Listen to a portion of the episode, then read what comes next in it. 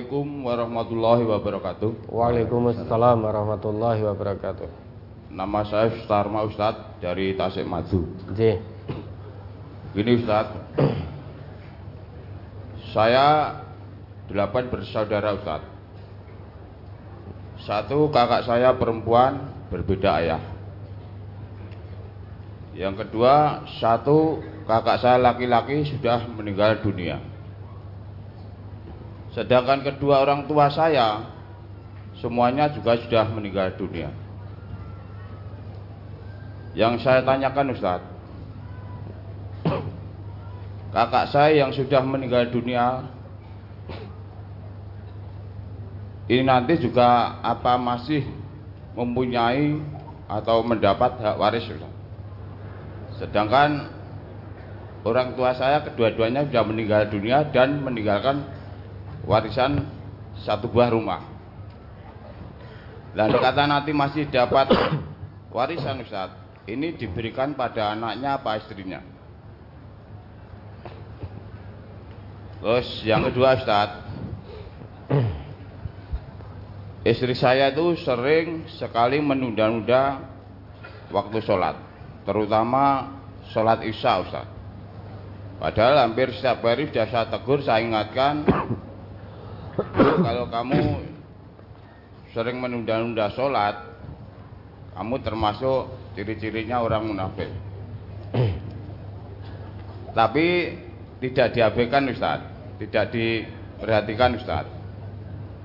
Alasannya nanti kalau sholat malam tidak tidak bisa atau tidak bisa bangun gitu.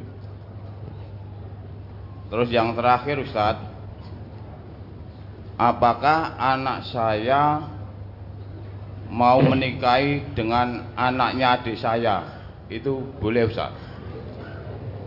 Demikianlah pertanyaan yang saya sampaikan Ustaz. Terima kasih atas jawabannya. Assalamualaikum warahmatullahi wabarakatuh. Waalaikumsalam warahmatullahi wabarakatuh. Orang tua sudah meninggal semua. Meninggalkan satu rumah sebagai harta warisan. Delapan bersaudara, yang satu sudah meninggal dunia. Apakah kakak yang sudah meninggal tadi masih berhak mendapat warisan?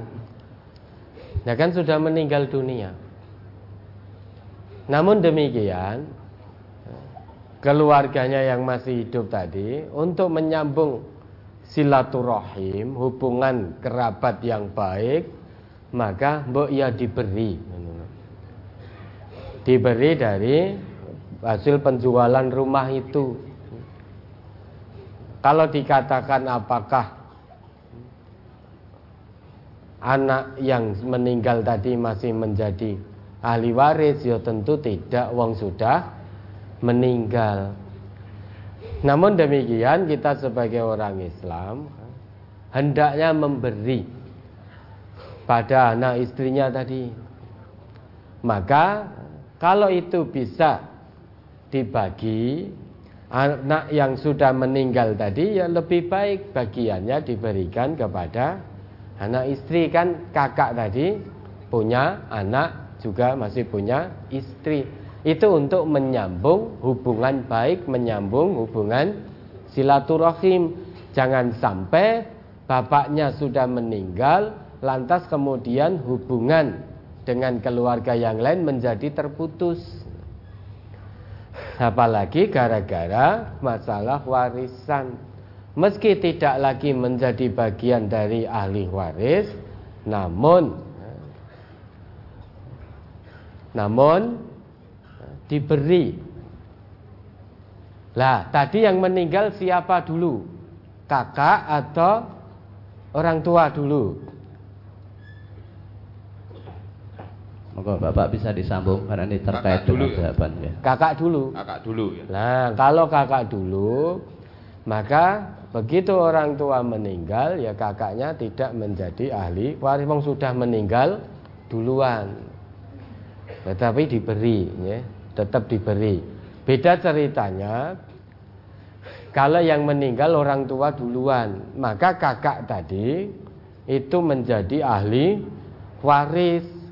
Lah jangan ditunda-tunda sampai akhirnya kakak juga ikut meninggal lah. Kalau kakak meninggal maka bagiannya berikan kepada anak-anaknya. Karena tadi yang meninggal orang tuanya dulu, kalau yang meninggal orang tuanya dulu. Lah ini yang meninggal kakaknya terlebih dahulu. Maka tidak ada salahnya tetap diberi. ya, kemudian yang kedua, istri menunda sholat terutama isya.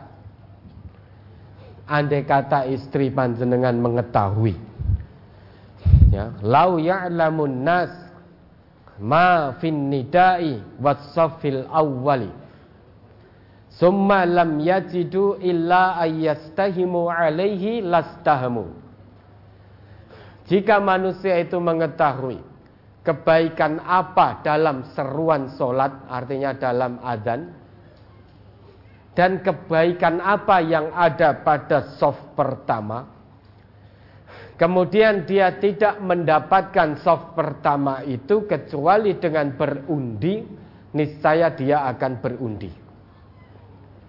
Walau ya'lamuna ma fit tahjir lastabaku ilaihi Andai kata manusia itu mengetahui kebaikan apa yang ada pada datang awal waktu sholat zuhur, niscaya manusia akan berlomba untuk mendapatkan itu.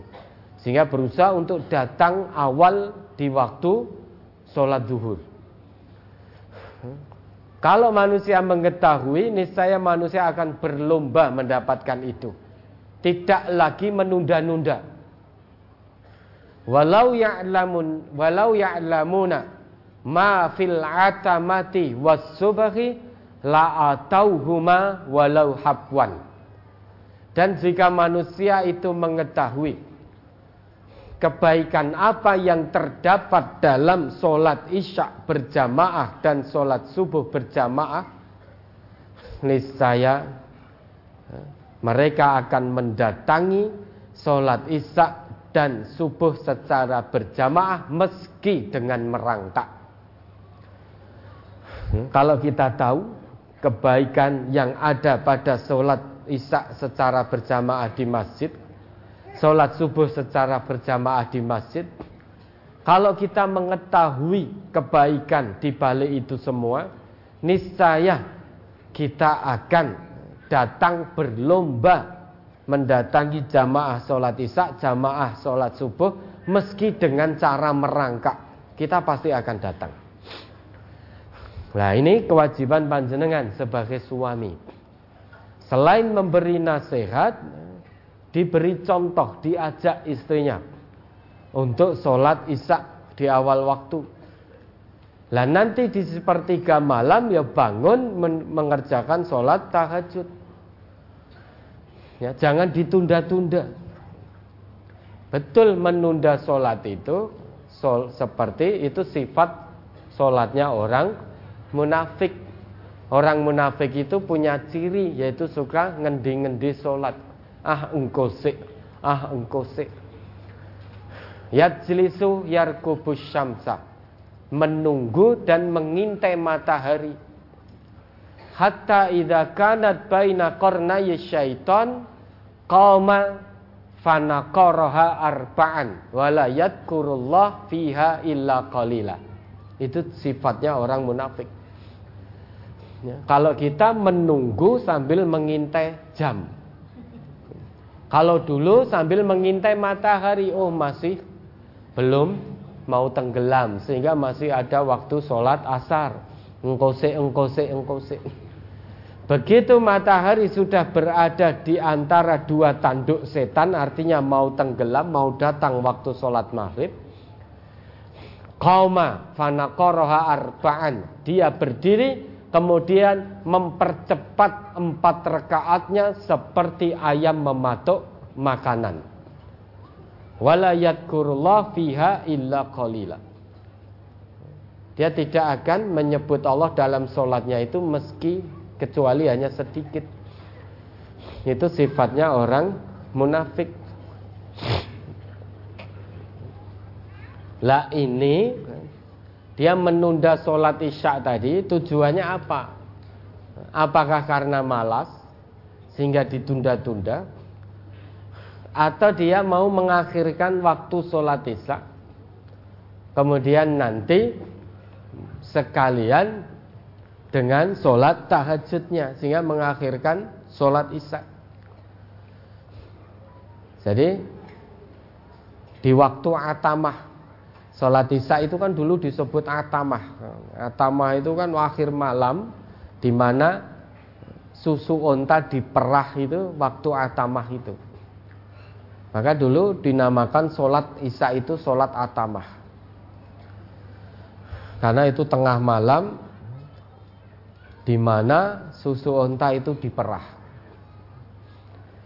Nah, kalau niatnya memang nanti bangun di sepertiga malam untuk sholat isya juga, tahajud juga, maka sah-sah saja. Tapi kalau menundanya karena males,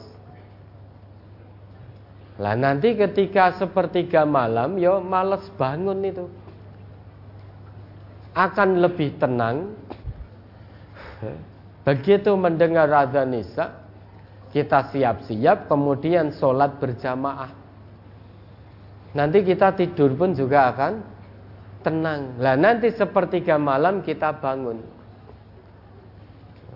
Nah ini tergantung niatnya istri jenengan apa apakah males karena masih sibuk dengan sinetron mungkin.